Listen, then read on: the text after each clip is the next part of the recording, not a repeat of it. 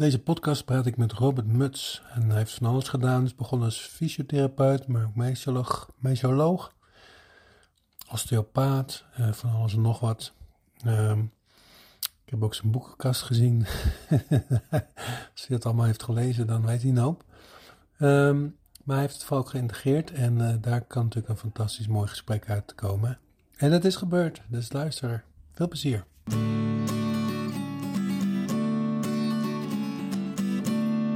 Hoi, ik ben Steven van Rossum en dit is de Esoterre Podcast.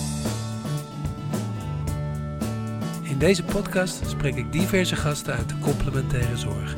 Van lichaamswerkers tot psychiaters en van relatietherapeuten tot wetenschappers. We hebben het over fascinerende onderwerpen die ons mensen bezighouden. Bewustzijn, vitaliteit, gezondheid, persoonlijke ontwikkeling, etc. En elke keer worden we weer iets wijzer. Luister je mee?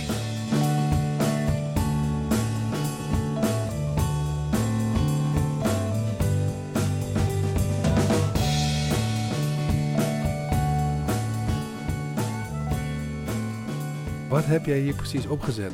Nou, het is het, ik noem het even het academische niveau in de complementaire geneeskunde. Ik heb uh, uh, uh, altijd een warm hart gehad voor het, nou ja, alternatief, het anders denken. En daar heb je nogal wat verschillen in. Je hebt extreem alternatieven, je hebt een beetje alternatieven, je hebt regulieren die alternatief doen. nou ja, er zit heel wat tussen. Ehm, maar ik heb er altijd wel een warm hart voor. Maar ik heb ook een warm hart voor de wetenschap. En het een hoeft het andere dus niet uit te sluiten. Dus hoeven niet te vloeken met elkaar. Dat is nergens voor nodig. Nou, dan kan je een beetje gaan zitten zoeken in die wetenschap. En in dat nou, wetenschappelijk benaderen. Ja, en ik hou wel van de. Nou ja, laat ik maar zeggen, de, de, de brug tussen Oost en West. Uh, de, de Oosterse, de Aziatische geneeskunde van de Chinezen en de Indiërs, de oude Ayurveda, de oer-oer-oude, maar ook Peru aan de andere kant was ook prachtig. Mm -hmm. die Inca's wisten ook wel wat. Uh, ja, daar zit heel veel kennis, maar ja, niet echt wetenschappelijk. Nee, nee, nee. Uh, dus allemaal empirie. Nou, daar ga ik altijd een beetje erover nadenken. Empirie is niet fout. Er zijn uh, anderhalf miljard Chinezen en 1 miljard Indiërs. Dus nou, zo stom hebben ze het niet gedaan. Er zal wel iets van waarheid in ja. Dus, ja, maar, maar het hoeft niet alles te zijn. He, want want uh, 150 jaar geleden, is nog niet zo gek lang geleden, hebben we in het Westen het aderlaten afgeschaft. Maar ja, we hebben het wel 2000 jaar lang gedaan. Ja. Aderlaten, aderlaten, aderlaten. Tot we onderzoek gingen doen. En toen zeiden we, oh, het helpt eigenlijk niet. Ja, ja, nou, weet je, daar, daarom is wetenschap wel handig. Um, maar je moet ook weer niet rukzichtloos uh, wetenschap gaan doen. Nou, vandaar dat idee van, van dit centrum. Je moet het groot maken. Wil je academisch kunnen werken? Wil je gezien worden? Uh, wil je wetenschappelijk onderbouwd kunnen gaan werken? Dan, dat moet gewoon groot. Ja, ja, ja. En ik hou van samenwerking, want ik heb ook heel erg gezien in die alternatieve hoek maar ook de complementaire geneeskunde.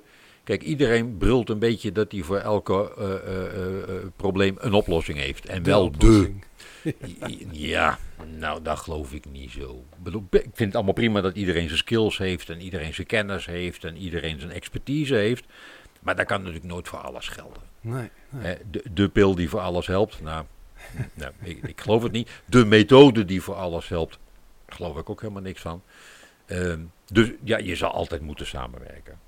Dus ik hou van het samenwerken en ook gewoon erkennen, nou, dit kan ik goed, mooi, dat kan ik niet, nou, daar heb ik een ander voor nodig. Ja, komt goed. En doe het hand in hand. Dus wij hebben hier veel overleg ook tussen disciplines. En uh, god, nou, ik kom hier niet uit. Uh, uh, wat kunnen we samen hiervoor? Of hier blijft de patiënt stranden. Goh, kan jij daar wat mee? Nou, zo. Ja. Zo, zo, proberen we met, hè, als de ene hand de andere wast, oh, oud spreekwoord, Ja. worden ze toch allebei schoon. Nou, wat goed, joh, wat goed. Hey, en over welke disciplines hebben we het dan? Wij doen drie hoofddisciplines en één hoofddiscipline is osteopathie. Nou, dat is inmiddels in Nederland aardig bekend, maar ik zal toch nog even een notendopje uitleggen voor de mensen die daar geen eh, weet van hebben. Osteopathie is nou, ook een 150 jaar oud ongeveer. Het is een manuele geneeskunde, dat wil zeggen, er wordt alleen maar met je handen gewerkt. Er komt geen pil aan te pas. We hebben het nou wel over voeding, maar marginaal. Het is eigenlijk werken met je handen. En het principe is dood en dood simpel. En ik ga het even in het Grieks zeggen. Het, het principe is pantarei. Alles wat leeft, stroomt. Dus de definitie van leven is stroming. Kijk naar een plant, kijk naar een boom, kijk naar een, een dier, een kwal. Kan mij het schelen wat voor beesten we allemaal nemen. Maar het is allemaal in de beweging. Zolang het beweegt, is het oké.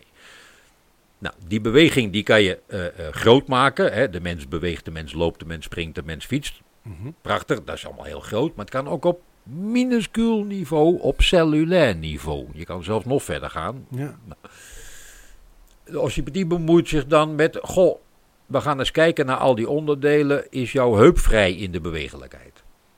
Is jouw darm vrij in de bewegelijkheid? Is jouw ruggenwervelkolom vrij in de bewegelijkheid? Fijn, maar ook de inhoud. Dus je ruggenmerg. Ja. Je nou ja, tot en met je hersenen aan toe. We gaan dus heel ver. Ja, ja. En overal waar ergens een, een, een fixatie zit, zeggen wij in de osteopathie, nou, dan kan dat systeem zijn functie niet goed uitoefenen. Doodsimpel verhaal, hè? als mijn knie vast zit, kan ik niet goed lopen. Nou, appeltje, eitje, niet moeilijk. Ja. Dan moet ik die knie losmaken. Nou, daar hebben we typisch westers over gedacht. Oh, wacht even, dan moeten we een knioloog hebben. Hè, dan moeten we een specialist hebben voor de knieën. En die gaat die knie bekijken. Ja, maar die knie is niet los. Dat is geen aangeschroefd onderdeel. Die is uit je systeem gegroeid. Ja, Nou, met name een knie. Eh, en dan hou ik dus weer van wetenschap. En nu ga ik naar de embryologie toe. Een knie groeit uit je buik. Nou, als je dat weet, dan weet je ook dat ze met elkaar verbonden zijn. Hmm. Dus dan weet je ook dat organen en, en, en, nieren en darmen en, en noem ze allemaal op, met die knie te maken hebben. Kijk, kijk, zonder dat dat misschien een hele podcast wordt, maar zou je dat kunnen uitleggen waarom de, komen ze uit dezelfde kiemlaag of zo? Bedoel je dat, dat de knie uit de buik komt? Ja. Nee, gaat, nee, het is later dan kiemlagen. Ja, het is, ja, maar dat, dat... Moeten we het even overslaan? Dat moet je overslaan. Okay, dat, door, sorry. Hier ben ik uh, een podcast van zes dagen mee bezig. Okay, dus, dat is het.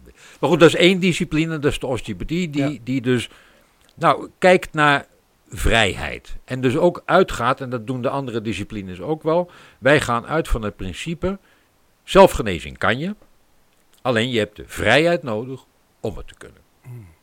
Nou, dat doet de hele natuur. Hè? De, de aarde bestaat al 3,5 miljard jaar die kan dat wel. Ja. Dus we hoeven wij niet te pretenderen, nou wij weten toevallig beter. Nee. Hoeft niet.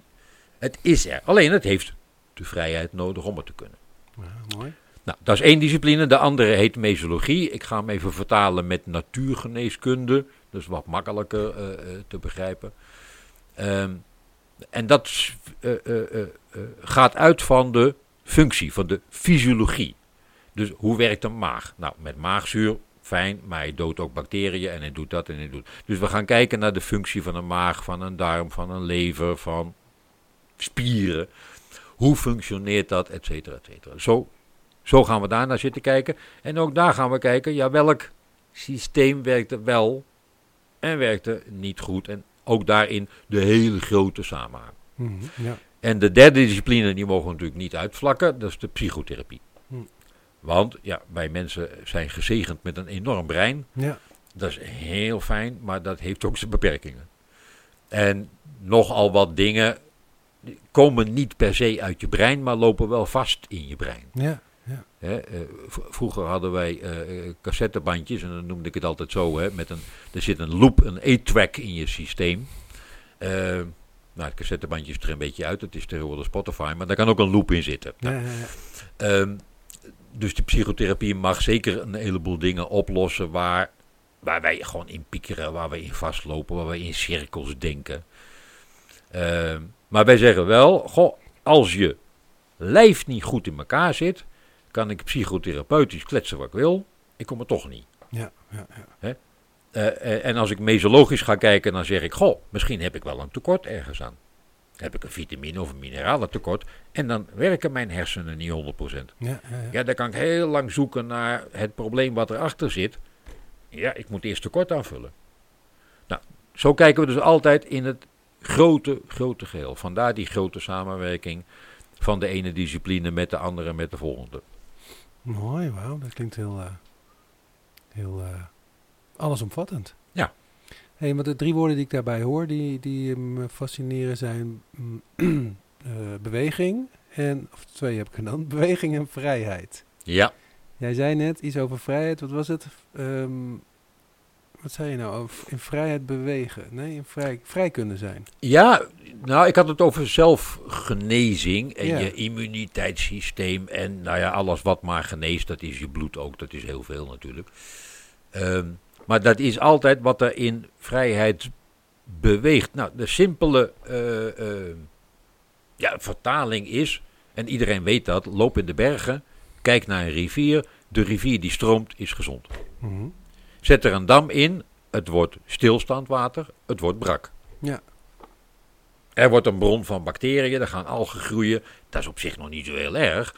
Alleen, als die stroomt, blijft die vrij, blijft die veilig. Stromend water kan je altijd drinken, dat is geen enkel probleem. Stilstand water, ik zou het niet zo snel drinken. Nee, nee, nee. Dat is het basisprincipe wat erachter zit. Ja. En of je dat op een boom toepast of op een mens toepast, ja, dat maakt geen klap uit. Nee. Nee, en dan of je het op een, een, gewricht toepast of op een celniveau of misschien nog wel verder, Ja. dat maakt ook niet uit. Dat natuurlijk. maakt eigenlijk ook niet uit. Dat is de natuur. Zelfs niet op organen.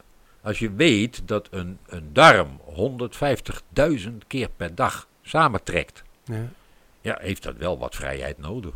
ja, de vrijheid om te bewegen. Ja. Moet kijken hoe vaak een hart klopt. Nou, dat weten we wel een beetje, hè? 60, 70 keer per minuut. Nou, fijn Ja. dat hij het allemaal kan. Maar dat ding, dat moet dus de vrijheid hebben om. Is een spier. Als hij de vrijheid niet heeft, dan gaat hij... En dan zeggen wij, oh, we hebben hartkloppingen. Ja, ja, ja. En dan gaan we zitten kijken naar medicijnen. Oh, eh, nou moet ik wat doen tegen de hartkloppingen. Nee, dat is geen medicijn. Het zit gewoon te strak in zijn jasje. ja. Even, le- te simpel gezegd, hè? Maar, Ja. maar eh, je kan dus op een andere manier gaan zitten kijken. Nou ja, dat, dat, dat doet me ook denken aan wat jij vertelt van die A-track. Daar zit ook een, eh, door een trauma kan die vrijheid ook verdwijnen. Hè? Dat Ja. je vastzit inderdaad in je patronen en je overtuigingen en Ja. dergelijke. Maar we willen dus altijd kijken, en dat is het, het andere. Wij willen enerzijds, als een patiënt binnenkomt, willen wij altijd gaan kijken. Oké, wie heb ik hier voor mijn neus? En ik ga je van top tot teen onderzoeken. Ongeacht wat je hebt. Of je, als je pijn in je schouder hebt, gaan we niet expres naar je schouder kijken. Als je pijn in je teen hebt, gaan we niet expres naar je teen kijken. Nou, mooi. Wij onderzoeken altijd eerst alles. Dan gaan we kijken, wat, wat vind ik dan allemaal? En dan gaan we eens kijken, hey, hoe kan ik dit wat ik vind verbinden met je klachten? Dus dat is anders Ja. kijken. Ja. Niks tegen regulier, want ik ben heel blij dat regulier zegt, oh, wat heb jij pijn in je borst en het straalt uit naar je pink en je hebt een kaakklem en je hebt hartkloppingen. Ja. Nou, ik zou een hartinfarct vermoeden.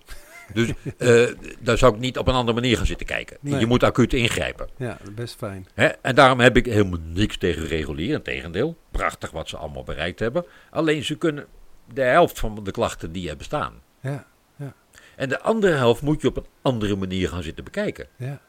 Vandaar dat mijn nadruk altijd, als je niet anders kijkt, kom je er nooit. Hè, regulier kijkt eenduidig en dat is prima voor de acute dingen. Ja, ja, ja. Iedereen met die uitstraling naar je pink toe en hartklopping, et cetera, heeft een hartinfarct. Nou, helder. Maar chronische hartklachten is een ander verhaal. Ja, precies, ja. En als zo gauw chronisch wordt, dan, dan, dan zou je kunnen zeggen, is de reguliere eh, geneeskunde misschien wat minder eh, ontwikkeld zelfs. Nou, je- niet, ja, ja niet, niet minder ontwikkeld. Minder daar zit hun blinde vlek. Daar, Ja. daar, hebben ze, dat hebben ze ook niet geleerd. Nee, En dat hoeft ook niet. nee. Daar heb je andere scholen voor nodig. Ja, precies. Ja. Je kan niet alles. De, de reguliere, die zit meer het straatje van, hè, de knioloog die jij noemde. Ja. Heb jij wat met je knie? Nou, dan gaan we die knie eens even pakken. Ja. En dat is goed. Ja. Want daar heb je een orthopeed voor, en een orthopedisch chirurg voor en een neuroloog voor. Allemaal prima mensen. Die dat heel specifiek kunnen uitzoeken. Nou, ik vind het helemaal geweldig. Alleen het gaat voor de helft van de gevallen op. En voor de andere helft moeten we anders gaan kijken. En dat is wat hier gebeurt. Ja. En dat is een eh, holistische aanpak, hè, zoals dat Ja. tegenwoordig heet. Ehm, en het doet me ook heel erg denken aan de, de meer Chinese geneeskunde aanpak. Ja, dat is een onderdeel. Het, het, het, het- nou ja, weet je, de- de Chinezen hebben ook een bepaalde gedachtegang. Nou, dat is prima. Maar ja, dat geldt wel voor Chinezen. Die zijn, ja, sorry, die zijn op, die, op een andere manier opgevoed. Die hebben een andere cultuur, die hebben een ander klimaat. Ja. De Chinezen hebben dat op hun manier geïnterpreteerd. Overigens komt het uit de Ayurveda, uit India. Mhm, ja. Chinezen hebben dat heel braaf gejat. Nou, beter, goed gejat is het halve werk, snap ik. De- deze toen al. Eh, eh, maar daardoor zijn er dus twee verschillende systemen ontstaan. Stomweg omdat de cultuur anders is. Ja, ja. Nou, daar hadden wij een paar oude Grieken. En eh, eh, Hippocrates was er één. Die ging ook naar India. En die jatte net zo goed als iedereen. Jatte die ook de boel. ja, En die heeft zijn Griekse geneeskunde neergezet. ja, Dat is onze bakermat. ja, ja, ja. Hè, maar het ontstaat altijd op een andere manier in een andere cultuur. Dat moet ook. Dus je, bent ander, je bent een ander mens. ja. En hier groeien weer andere dingen. Wat ik, wat ik veel zie, als je even kijkt naar China of naar, naar India. Ayurveda is hartstikke populair, hè? dat is een beetje mode. Ja. Oh, we gaan allemaal Ayurvedisch eten. Ja. En wat hebben we dan gedaan? Dan hebben we die boeken uit, uit India hebben we letterlijk zitten vertalen. Eh, en dat gaan we toepassen in Nederland. Waar we eh, eh, aardappels hebben en kaas. Dat hebben ze niet in India. Dus we moeten niet Indisch gaan zitten eten om die goed te krijgen. Wij moeten gaan nadenken over die aardappel en we moeten gaan nadenken over kaas. ja, ja, ja. Wat doet dat met ons? Oh, dat vind ik wel heel mooi om te horen, want dat is altijd mijn weerstand met eh, hè, eh, alle wijzen komen uit het oosten, zeg maar. Ja, ja, ja, ja, ja. En eh, terwijl als je naar het oosten kijkt, dan zie je ook culturen die nog heel veel kunnen ontwikkelen, zeg maar. Maar goed, dit terzijde. Maar het gaat om, ja, ik heb wel eens, hè, was ik, er zie ik zo'n, zo'n, eh, ehm, iemand die Tibetaanse boeddhisme volgt en die laat zich dan ook helemaal volgens de Tibetaanse klederdrachten eh, Ja, ja. kleden en zo, weet je wel. En ik denk van, nee, je moet het juist, nou ja, misschien wel wat jij zegt, wat de Chinezen hebben gedaan, die hebben het geadapteerd en Hippocra- Hippocrates heeft het geadapteerd. Je moet het je eigen maken. Je moet het je eigen maken. En, en ik heb heel veel gestudeerd in de Ayurveda. Ik ben er nooit in India geweest. Oké. Maar ook heel expres. Wat heb ik gedaan? Ik heb professoren uit India naar Nederland gehaald. Ja. En hier gaan zitten praten en gaan zitten proeven en gaan zitten eten, et cetera, et cetera. En toen hadden wij het, nou ja, mijn voorbeeld over kaas. Toen hadden we het over kaas, ja, maar waar valt kaas dan onder in de Ayurveda? Eh, nou, ze, oh, dat is dat. Ik zei ja, jonge kaas of belegen kaas of oude kaas of geitenkaas of dit kaas of dat kaas. Hoezo zoveel soorten kaas? Dat wisten zij helemaal niet. Kaas. Hè, kaas is kaas.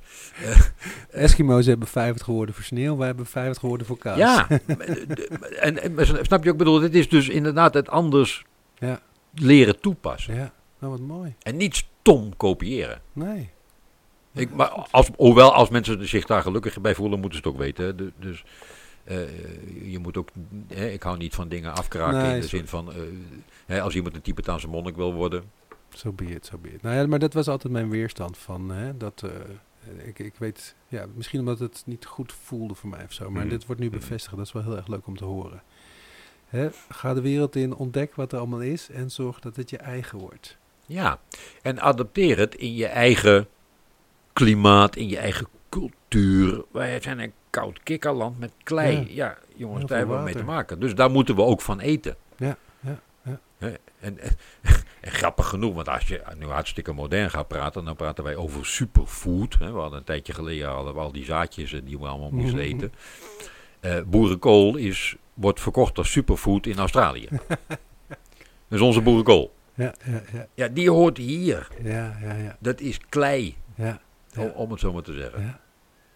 Hey, en dat vind ik ook een beetje een holistische eh, benadering. Hè? Dat, dat je niet inderdaad die goji-bessen of die chiazaden moet halen, maar dat je het uit je omgeving moet halen, omdat je je omgeving bent. Je, je, Zowel eh, psychisch, filosofisch als, als voeding, alles. Ja. Nou, dat is, een, dat, is, dat is ook niet, ja, het komt ook niet van mij. Het is al heel oud. Hè. Er zijn een heleboel Nederlanders die gingen naar, naar Indonesië toe, Mhm. lang geleden. Er waren twee groepen.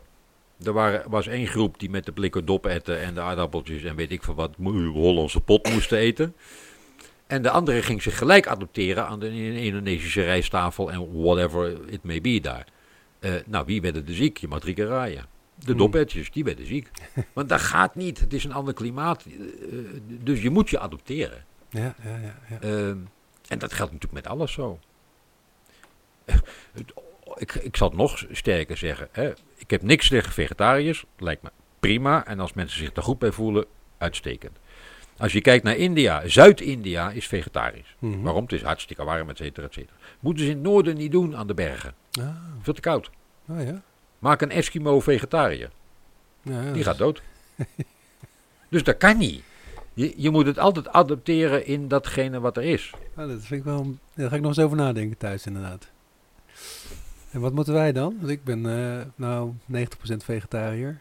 Nou, moet ik zelf weten. Hè? Ja, dat mag je zelf weten. Ga voelen. Ja, en er is niks tegen vegetariër. Kijk, een gorilla is ook vegetariër. Hmm. Ja, Nou, hij is redelijk sterk. ja, ja, ja. Ja, toch? ja, ja. Niks mis mee. Maar het is wel een vegetariër. en dan schop ik weer tegen sportscholen aan. Die zeggen, ja, maar je moet die, die, die, die, die, die, die, die eiwitten moet je hebben. Die shakes en die proteïne moet je allemaal... Dag. Ja, ja. Nou, wat, wat mij opvalt, eh, als we vlees eten, dan tegenwoordig is het ook altijd spieren. Hè? Ja. We eten bijna geen organen of andere dingen meer. Het is allemaal spieren die Ja. we eten. Ja, maar dat vind ik ook wel verstandig. Want die organen van die beesten die gekweekt zijn... lijkt me niet zo met al die antibiotica erin. Ik, denk, ik vind dat niet zo verstandig.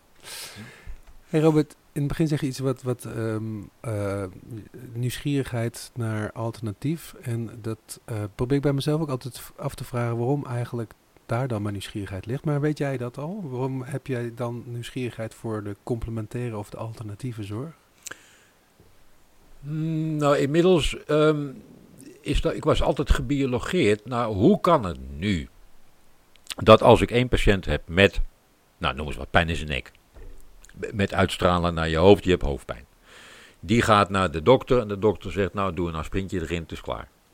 En als het helpt, is, helpt het. Nou, de hoofdpijn is dan weg. De dokter kan ook zeggen, nou, ga naar de fysiotherapeut en laat je nek masseren, et cetera, et cetera. Eh, en als het helpt, helpt. Hippocrates zei ooit, hij die geneest, heeft gelijk. nou, vond het een mooie uitspraak. Ben ik over na gaan denken. Stel nu diezelfde patiënt, pijn in zijn nek met uitstraling in zijn hoofdpijn. eh, gaat niet naar de huisarts, gaat ook niet naar de fysiotherapeut, maar naar, gaat naar een, een, een acupuncturist. Nou, die zet een paar naalden overal. Als het helpt. Ja. Dus ik ben dan gebiologeerd geweest altijd van ja, de een helpt, de ander kan ook helpen. Hé, hey, wat zit er dan onder? Hmm. Wat is dan de grote gemeenschappelijke deler? Nou, die kan ik ook niet even in één podcast uitleggen hoor, dat duurt even. Ehm, maar ik vind het wel fascinerend. Ja. Het tweede wat mij altijd fascineert is, elk mens is verschillend en we weten het allemaal. En mijn grote voorbeeld is altijd, ik heb een marathonloper, ik heb een, een bodybuilder en ik heb een, eh, eh, een worstelaar. En iedereen weet dat ze anders moeten eten. En niemand doet het. Hmm. Want we hebben een schijf van vijf en we hebben een algemeen dit. En wat is dan gezond? Ja jongens, dat gaat niet. Je kan alleen maar zeggen wat is gezond voor mij. Ja, ja, ja. En je kan niet zeggen dit is gezond. Ja. Ja. Ik, eh, ik geef in mijn, in mijn lessen heel vaak het voorbeeld. Nou oké, ik ga trainen voor de marathon. Toppie. Dan kan ik allerlei blaadjes gaan lezen. Goh, wat moet ik allemaal eten? Nou, ik kan het beter niet doen, want in die blaadjes staan niet van die heel verstandige dingen. Eh, maar je snapt wel dat je anders moet gaan eten, omdat je gaat trainen voor die marathon. Ik ga 10 kilometer per dag lopen. Oké, nou fijn. Als ik nu ga trainen voor een wedstrijd simultaan schaken, eh, moet ik nog anders eten. En de grap is, als ik dat vertel, zegt iedereen, ja natuurlijk. Ja, en waar vind ik dan de informatie? Mhm. En, en waar haal ik dat dan vandaan? En is het dan een marathondieet? Nee, dat is het ook niet. je moet altijd naar het individu kijken. Je moet naar jezelf kijken. Ja, ja, ja.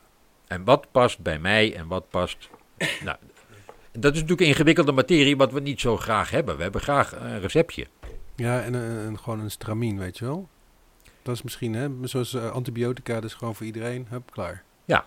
Wat je ook hebt, één, één pil Ja, voor dat, alles. dat, is, dat vinden we Makkelijk. makkelijk. li- Lijkt makkelijk. Uiteindelijk is dat natuurlijk niet zo. Nee. Hè, want hoe hou je een, een, een, een, een lijf gezond? Nou ja, eh, 90% met wat je erin stopt. Ja. En dat is natuurlijk logisch. Hè? Eh, eh, ik doe ook wel eens de vergelijking. Goh, ik heb een prachtige auto, daar gaat 50 liter in, daar moet euro loodvrij in. Als ik er nu een liter diesel bij gooi, gebeurt er dan wat? Nou, nee, weinig. Hmm. Eh, doe ik het elke keer? Ja, op den duur. Ja. Nou, iedereen snapt dat. Dan doe ik het lekker met een auto. Ik hou helemaal niet van vergelijking met mensen en auto's hoor. Maar Nee. eh, het maakt het wel helder. Eh, dat als je iedere keer iets fouts in je lijf stopt, dat dat fout gaat in je lijf. Ja, nou ja, het is wel een duidelijke, ja. En als je in één keer alleen maar diesel tankt per ongeluk, dan... eh, dan heb je doet hij een helemaal niet meer, Nee. Mooi. Dus dat is het anders, het anders kijken. Het, het- en wij richten ons dan inderdaad met name op chronische klachten. Want acuut, ja, god, daar hebben we een ziekenhuis voor, daar hebben we dokters voor. Nou prima, lekker laten zitten. Ja, ja, ja. Dus ook ons niet mee bemoeien. Nee, doe maar lekker chronisch. Nou, wat goed. En wa- wat is jouw ei- eigen achtergrond eigenlijk? Kom je uit de reguliere zorg? Ben je arts? Ik kom uit de eh, fysiotherapie. Ehm, ik heb eerst pedagogische academie gedaan. Eh, toen ben ik fysiotherapie gaan doen. En in de fysiotherapie, ik vond het een prima studie en ik vond het een fantastisch beroep. Maar ik had altijd zoiets van, ja, ik heb op, nou, negen van de tien vragen krijg ik geen antwoord op. Eh, dat doet niks af aan de methode, maar ik ben daar niet tevreden mee. Dus ik ben verder gaan zoeken. En toen heb ik een ongeluk gekregen in mijn, in mijn pols. Dus de, de, die was doorgesneden met alle pezen en zenuwen, die lagen er een beetje bij. Mhm. Nou, daar zijn tien operaties overheen gegaan. Nou, je kan op je vingers een beetje natellen hoe lang dat duurt. Dus ik kon geen fysiotherapie doen, ik kon eigenlijk niks anders doen. Wat ben ik gaan doen? Studeren. Toen ben ik osteopathie gaan studeren, tegelijkertijd homeopathie gaan studeren, tegelijkertijd elektroacupunctuur gaan studeren en traditionele Chinese geneeskunde gaan studeren. Vlak daarna Ayurveda gaan doen, orthomoleculair gaan doen. Nou ja, ik heb waanzinnig veel studies gedaan, gewoon uit nieuwsgierigheid. Nou ja. En toen ben ik heel veel dingen met elkaar gaan combineren.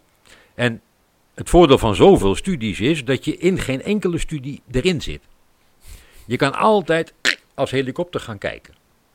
Nou, dat is mijn grote voordeel geweest.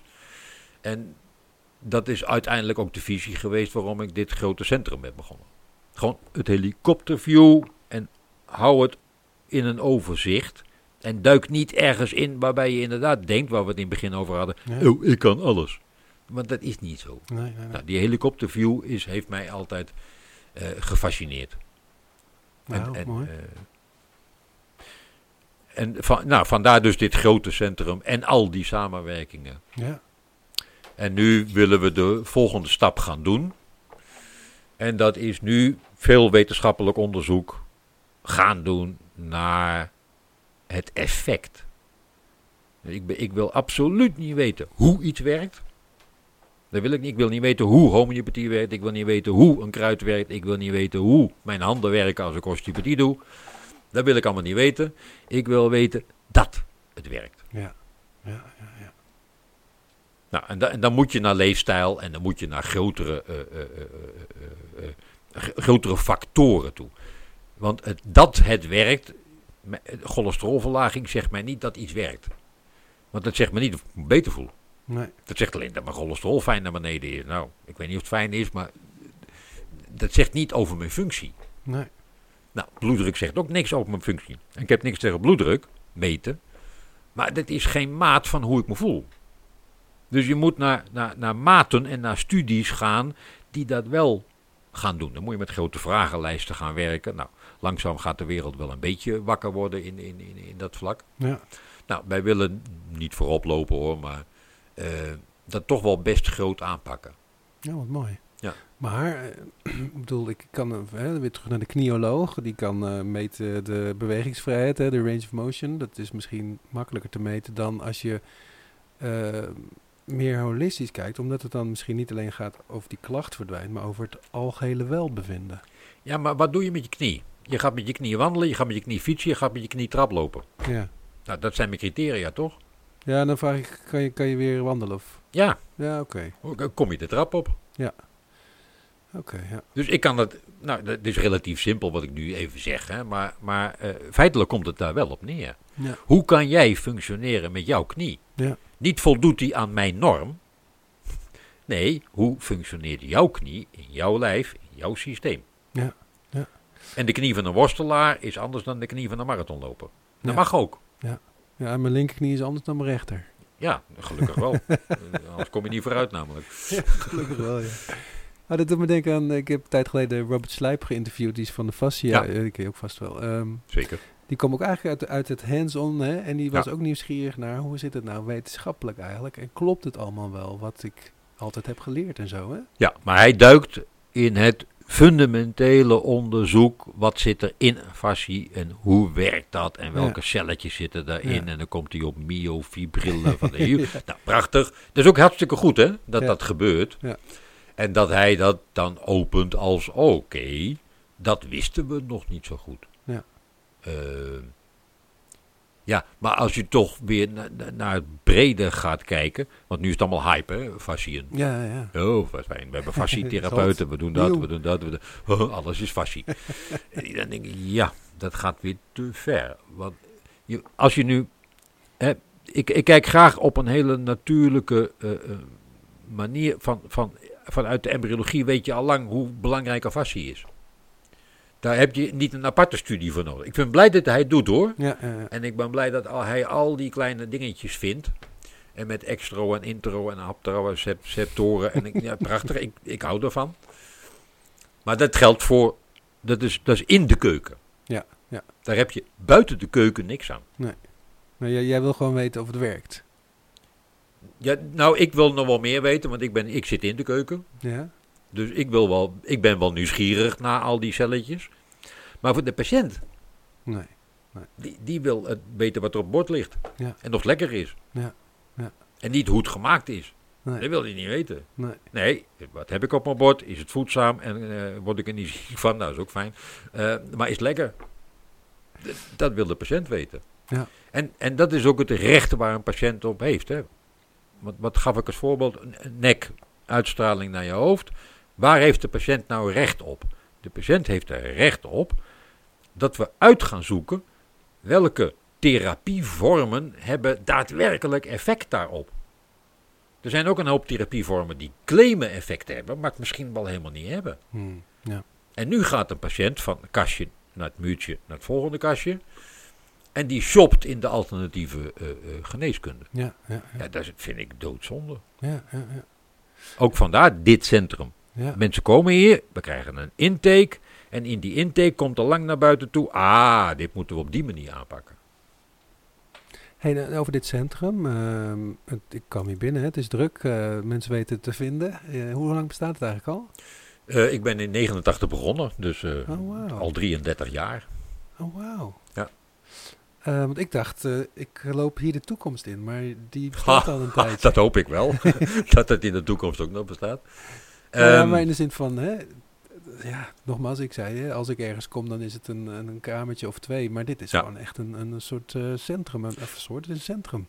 Dat is het ook. Maar goed, ik ben 33 jaar geleden, in 89 natuurlijk, wel in mijn eentje begonnen. Ja, ja, ja. Ik had ook Nee, één kamertje. Nee, maar ik bedoel, mensen weten het dus te vinden. Er is vraag naar, er is behoefte naar.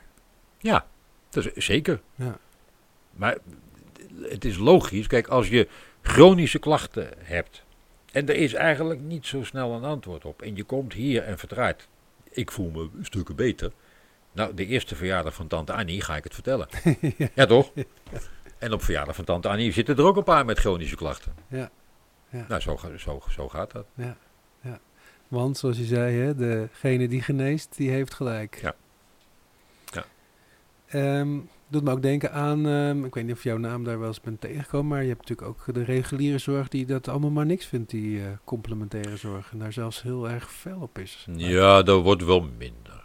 Ja? Dat wordt wel minder. Er zijn een paar fanatiekelingen, hè, de Vereniging tegen Kwakzalverij, Ja, ja, ja. die knoert gezellig. Nou, eh, fijn. Ik, ik ben er ook niet op tegen, hè, want zij tonen ook wel dingen aan die echt onzin zijn. Nou, top. Ja. Hè, als je inderdaad, we hadden het in het begin wel in het begin over, als je aan kan tonen dat aderlaten zinloos is, nou, ik vind het heel verstandig. En niet zeggen, ja, maar dat moet kunnen. Nee, het is zinloos. Dat moet gewoon niet meer doen. Ja. Nou, daar vind ik die vereniging heel goed in. Ja. Gewoon aantonen wat echt klinkklare onzin is. Gewoon een proefopstelling. En nou, jongens, het kan niet. Zij gaan wel een beetje heel ver. En alles wat niet regulier is, is, is, is onzin. Ja, de, de- het leven is meer dan alleen maar eh, wetenschap. Ja, En alleen maar onder mijn microscoop. Ja. Maar, nou ja, dat tekent ook een beetje hoe zij kijken. Ehm, ze hebben een dubbele tunnelvisie, maar dat noem ik altijd microscoop. Ze kunnen alleen maar door dat ding kijken. ja, ja. En daarbuiten zien ze helemaal geen klap. Ehm, maar ik, ik vind wel goed dat ze bestaan. Ik vind ze wel een beetje rukzichtloos, maar ze zijn nu wel aardig stil hoor. Du- dus. Er zijn altijd artsen die zeggen, ja ik ben tegen, want ik, heb het, ik ken het niet. Nou, dat mag ook, want de boer die je kent, dat vreet hij nou eenmaal niet. Dat is typisch Nederlands. Ja, dat mag. Nou, dat gaat, dat gaat wel verdwijnen. De jonge generatie is daar meer mee opgegroeid. En de grap is nu dat ik heb heel wat geneeskundestudenten hier op tafel liggen. Ja, ja. Ja, die komen wel in aanraking met van, oh, kan op een andere manier ook. Of ik het nou snap of, of, of, geleerd heb, dat maakt me niet uit, maar het kan wel. Ja, ja, ja. Nou, dat. Mooi. Dus die nieuwe generatie, die gaat er wel komen. Ja. Nee, dat klopt. Dat zie ik ook wel bij, eh, bij de artsen en dergelijke. hè. Dit is, het is gewoon ja, onderdeel van de leefstijl geworden of zo. Hè? Ja. En het hoeft ook niet morgen allemaal van, oh, wat zijn we geweldig. Nee, dat moet groeien. Nou ja, maar dat is, vind ik ook weer, zeg maar, in contact zijn met je omgeving. Hè? We komen uit een Calvinistische eh, samenleving, zeg maar, hè? waarbij dit eh, allemaal gewoon nieuwe dingen zijn. En dat moet even inslijten, zeg maar. Ja, maar dat, dat, maar dat ook het andersom. Hè. Ehm, eh, ik verwijt veel alternatieven dat ze zo zitten te mopperen op regulier. Ja, ja. Ja, ze zien ons niet zitten. Ja, ze kijken niet naar ons. Ja, ze snappen ons niet. Nee, maar je hebt het ook nooit uitgelegd. Je, je hebt ook nooit wat aangetoond. De, de 150 jaar homeopathie en ze hebben nooit aangetoond dat het werkt. Ze hebben wel zitten klooien met van, goh, nou, hoe kan dat nou dat water dat overdraagt, bla bla bla bla bla. Ja, dan denk ik, ja jongens, daar gaat het toch niet om. Ik wil weten of het werkt. ja, Helpt het nou tegen die hoofdpijn? ja, ja. Effectief. Ja. Nou, en, en daar mag de hele complementaire wereld, of de alternatieve wereld, of de integrale wereld, of hoe we het ook gaan noemen, eh, die mag wakker worden. Jongens, je mag wat vertellen. Je, je mag echt gaan vertellen dat je wat kan. Er zijn nu, er zijn nu syndromen die regulier zegt, nou oké, wij, wij kunnen het niet. Hè, prikkelbaar. Oké, we kunnen het niet. Ik, ben, nou, ik vind het heel dapper dat ze dat nu eh, eh, duidelijk maken. Goh, wij kunnen het niet. Nou, wauw. Ja, dat is nieuw. Ja, ja. Dus dat is hartstikke mo- mooi eigenlijk. Ehm daar, kan, daar kunnen we op twee manieren naar kijken. Hè. Je kan als patiënt gaan zitten mopperen. Nou, dat ze dat niet weten. Dat kan. Ehm, eh, maar wij kunnen als complementaire hoek dat ook gaan aangrijpen en zeggen: oké, wacht even. Het zijn somatisch onverklaarbaar lichamelijke klachten. Wacht even hoor. Als wij gaan kijken, kunnen we het wel verklaren. Oké, nou moeten we wel aantonen dat we het kunnen. Je moet aantonen. Ik had verleden week een patiënt met een liesbreuk. En nou, die heb ik behandeld. Ik heb die liesbreuk eruit gepeuterd. En het voor, eh, eh, eh, nou, weer, weer netjes, maar dan zonder operatie. Mhm. Dat kan. Mhm. Dan zit hij, waarom weet de dokter het niet? Ik zeg, nou, omdat ik de dokter dat nooit verteld heb dat het kan. Dus dat ligt aan mij. Dan mag je de dokter niet verwijten. Want die kan dat nooit gehoord hebben, want niemand heeft het ooit verteld. Ja, ja, ja. Dus het wordt hoog tijd dat die alternatieve wereld eens wakker gaat worden en gaat zeggen: Goh, joh, wij kunnen wat. ja, ja, ja. Maar dan moet je het wel aantonen. En is, is dat ook jouw drijfveer om inderdaad de wetenschap... Ja. Nou ja, de- eh, ja, Ja, ja. Je, je wil gewoon, hè, hier, kijk. Dit Nou ja, dat is, ik, ik kan het ook nu zeggen. Ik ben nu oud en wijs genoeg om, eh, om dat te doen. Ik ben nu zo'n een beetje een nestor van het verhaal. Dat scheelt ook wel. Dus ik durf het nu ook wel. Ja, ja, ja. Ik kijk een beetje als helikopter inderdaad daarboven. Ja. Nou, oké, dan. eh, maar het wordt wel tijd. Ja, Het wordt nee, hoog tijd. helemaal. En, en inderdaad, wat je zegt. Hè, we, nou ja, wat, wat soms lastig is in de complementaire veld, is dat eh, iedereen denkt dat, eh, dat ze de oplossing voor alles hebben, Ja. inderdaad. Hè, heel verzeild. En dat er inderdaad ook een soort Calimero-houding is naar de reguliere zorg en ook naar de verzekeraars. Hè. Ja. Ja, ja, ja. Terwijl, eh, nou ja, wat ik eh, ook in onderzoeken zag, is dat de reguliere zorg, complementaire zorg, gewoon enorm in ontwikkeling is, ook qua vraag. Hè. Dus Ja. in die zin is het niet verrassend dat het hier eh, zo goed loopt. Maar zie je ook de hele samenleving hierin terug, of is het nog een specifieke groep? Het is nog een, ik denk nog een specifieke groep. Ehm, ik woon midden in Amsterdam, midden in de Jordaan. Maar als ik daar het eerste café binnenloop en dan ga zitten vragen... Goh, weten jullie wat gezonde voeding is? Ik denk niet dat ik antwoord krijg. Dus ehm, ik denk dat het nog een specifieke groep is. Dat is niet erg, het moet ergens beginnen. Ja, Er is wel bij iedereen bewustwording. Ja. Dat, die is er zeker. Ja. Eh, nou, ja, zelfs de supermarkt doet er een beetje aan mee, hè, met Ja. biologisch voer en groen, groen staat dan vooraan. Nou, oké, toppie. Dus we zijn er wel een beetje mee bezig. Er is wat meer bewustwording. Eh, God, dat je wat meer moet bewegen. En wat zei de overheid ook alweer? Twee ons eh, groente en twee stuks fruit, Ja. et cetera, et cetera. Nou, er is dus wel wat meer bewustwording. Goed. Ook dat moet groeien. ja, ja, dat is waar, ja. Nou ja, je ziet in de cijfers hè, dat vooral hbo'ers eh, de reguliere of complementaire zorg weten te vinden. Maar heb je daar dan nog een soort eh, behoefte of missie om, om daar eh, zendingswerk te doen of zo? Ja. Nou, ja, nou Ja, zendingswerk. weet, Daar heb ik een hele slechte associatie mee. Maar, eh, ehm, nee, ik heb wel missie om het in de openbaarheid te doen. Maar ook Ja. daarbij zeg ik weer, ja, je moet eerst zorgen dat je die kennis goed op een rijtje hebt. En je moet het kunnen, ja, gaat ik weer aantonen. Want anders klets ik onzin. Dan ga ik Ja. zitten preken. Ja. Hè, dan ben ik echt een zendeling. En zeg, nou jongens, zo moet het. dit werkt. Hè, maar ik moet wel bewijzen dat het werkt. Ah, goeie. En ik, ik kan wel bewijzen dat ik een groot centrum heb met een volle wachtkamer. Ja, fijn. Maar dat, ik moet ook bewijzen bij al die patiënten dat het goed gaat. Ja, ja, ja. Dus het is ook een oproep aan al die patiënten hoor. Die moeten ook allemaal meewerken. Want die moeten allemaal vragenlijsten invullen. Ja. je- iedereen moet wat. Ja. Maar ik vind het wel gezond om daar werk van te maken. En nogmaals, ik vind dat de patiënt het verdient. Hmm. Ik heb pijn in mijn kop, die komt uit mijn nek en die straalt uit in mijn hoofd. Oké, bij wie kan ik nu het beste terecht? Dat, ik vind dat iedereen daar recht op heeft. Mooi. En, en, eh, en ja, ik heb een eeuwige gunfactor. Ik gun mensen dat het op een andere manier kan. Wat mooi, wat mooi. hey, maar zit daar dan ook in van ehm, een andere benadering als in hè, een diagnose-receptmodel? Hè? Van nou, ik ben ziek, dokter, maak me beter. Mhm. Hebben die patiënten hier ook een taak in? Of, of, of is dat niet noodzakelijk? Zeker, zeker heeft de patiënt daar een taak in, want die heeft wat te leren. Niet te leren wat ik, wat ik allemaal fout doe hoor, maar te leren hoe kan ik mijzelf nou beter in mijn vel stoppen, om het even lekker Nederlands te zeggen. Ja.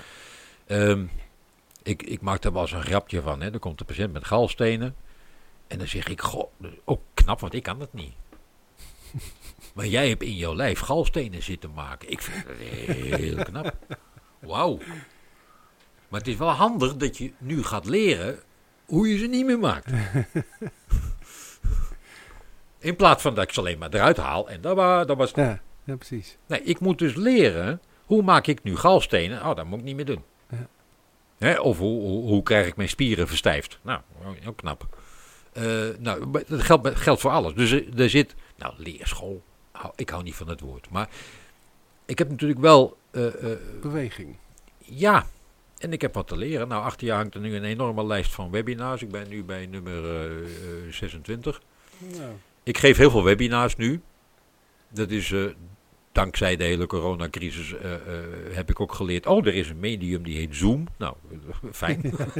Ehm, dus ik geef veel voorlichting. Want mensen hebben inderdaad daar wat in te leren. mooi. En dat, nou ja, dat gaat ook stapje voor stapje voor stapje. Dat moet ook. Ja, ja. Ik heb hier in het hele pand heb ik een spreuk hangen. Gras groeit niet harder als je eraan trekt. Ik had er net een foto van gemaakt, ja. Ja, nou die hangt overal, want dat, dat is eigenlijk het grote uit. Niet zo snel, rustig aan. Laat het nou groeien. Ja, Komt ja, wel. ja. Je moet wel, wel water erbij gooien, dat, dat moet je zeker doen. Ja, En je, het heeft de vrijheid nodig, daar ben ik weer, bij, om te kunnen groeien. mooi. Dus je moet wel het onkruid eruit halen, je moet wel dat. Al die dingen moet je doen, maar het groeit vanzelf. Wauw. Ja. Hey, ehm, als het mag, de laatste vraag. Ehm, de standaardvraag in onze podcast. Wat maakt een goed therapeut? Resultaat. ja, Klaar. Eh, dat. Ja, en dat hij ook empathisch is en amabel is, et cetera, et cetera. Dat, dat snap ik allemaal wel. Ehm, een goed therapeut heeft resultaat. Een goed therapeut heeft... Wauw. Ehm, oog voor de patiënt met de wetenschap dat de therapeut meer weet dan de patiënt. Dat betekent, je hebt ook een coachingsrol. Ja, ja. Je, je, het mag iets meer zijn dan, nou, fix it en dat was het al. Ja. Dus je mag iets meer doen. Het is, ik vind de rol van complementair, ik vind hem heel mooi en de meesten pakken hem op hoor. Eh, dus een goede therapeut is A, hij kan, hij kan iets fixen, fijn. Hij kan daarnaast iemand begeleiden en iemand, nou, dat leren beter te worden. ja. Dat. En dus is voor mij een therapeut iemand die een, ja, een hele gedegen opleiding heeft. Ik, ik hou niet van cursussen. Ik vind cursussen prima, maar dan postacademisch. Je moet eerst een opleiding hebben Ja. en dan mag je cursussen doen. Ja. En, ehm, en, en er zijn mij, mij te veel cursussen van, nou, ik kom van eh, een heel ander beroep. Ik heb een cursus gedaan, ik kan het ook. Ja. Dat vind ik een trucje. Ja, trucjes. Ja. Nou, Ja. Misschien is dat ook te koppelen hoor, maar dat mensen in de complementaire zorg dan iets hebben geleerd hè, en ook misschien geen gedegen basis hebben, waardoor ze ook misschien te veel denken dat dit het is voor alles of zo. Ja, ja, ja. ja. Je moet, je moet onzekerheid ook. Ja, je moet altijd de breedte in. En een, en een goede therapeut is er eentje die verantwoordelijkheid heeft. En dat in de breedste zin van het woord. Wat bedoel je daarmee? Nou, ehm, de verantwoording nemen voor datgene wat je diagnosticeert. Dat je goed zit, dat je het ook weet. Ja, maar hier sta ik achter, de- dit is het. Mhm. Oké. De verantwoordelijkheid voor je handelingen, ik los iets op. Dus ook de verantwoordelijkheid voor de keuze van je medicament of de keuze van dit. Ja, De verantwoordelijkheid continu nemen van wat doe je eigenlijk. ja, En dat mag in samenspraak met die patiënt, want die heeft ook verantwoordelijkheid. Het is namelijk niet mijn lijf, het is jouw lijf. Dus jij hebt ook verantwoordelijkheid. Maar het is, je mag je niet verschuilen achter, achter welke vorm van therapie of, of eh, ja sorry, dit middel slaat niet aan bij jou. Nou, oké. Nee, je- dat is jouw verantwoordelijkheid. Hmm. Ja, En de verantwoordelijkheid om, goh, nou er, ervoor te gaan staan. Ik ben osteopaat en, en, en maar ook mesoloog en het, nou, dat heb je net gehoord, hè. Ik, ik doe heel veel dingen. Maar als ik als osteopaat een baby in mijn vingers krijg, van een paar weken oud, en ik voel dat het zo scheef als wat zit, Mhm. dan is het mijn verantwoordelijkheid om daar wat mee te doen. Ja. Niet die van die baby, ook niet van die ouders, want die weten dat niet. Nee. Dus het is ook verantwoordelijkheid nemen. ja, En die neem ik heel serieus. mooi. Dat is ook het vak geneeskunde natuurlijk. Hè? De chirurg doet het ook. Ja, ja. Die pakt toch ook verantwoordelijkheid? Ja, ja, zeker. Ja, ja nee, ik ga het nog eens even over mijmeren, maar ik denk dat je gelijk hebt, ja.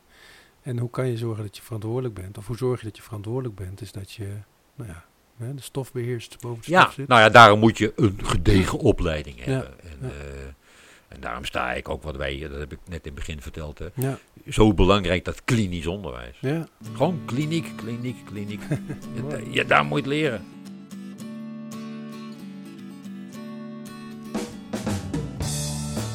Deze podcast is gemaakt door interviews Stefan van Rossum, redactie Esme Donker en Maurice de Gruiter. Muziek is van Stefan Alexander. Heb je interessante gasten of onderwerpen? Laat het ons weten. Vind je de podcast leuk? Vertel het aan andere mensen. En volg ons op Soundcloud, Spotify of iTunes. Bedankt voor het luisteren en tot de volgende keer.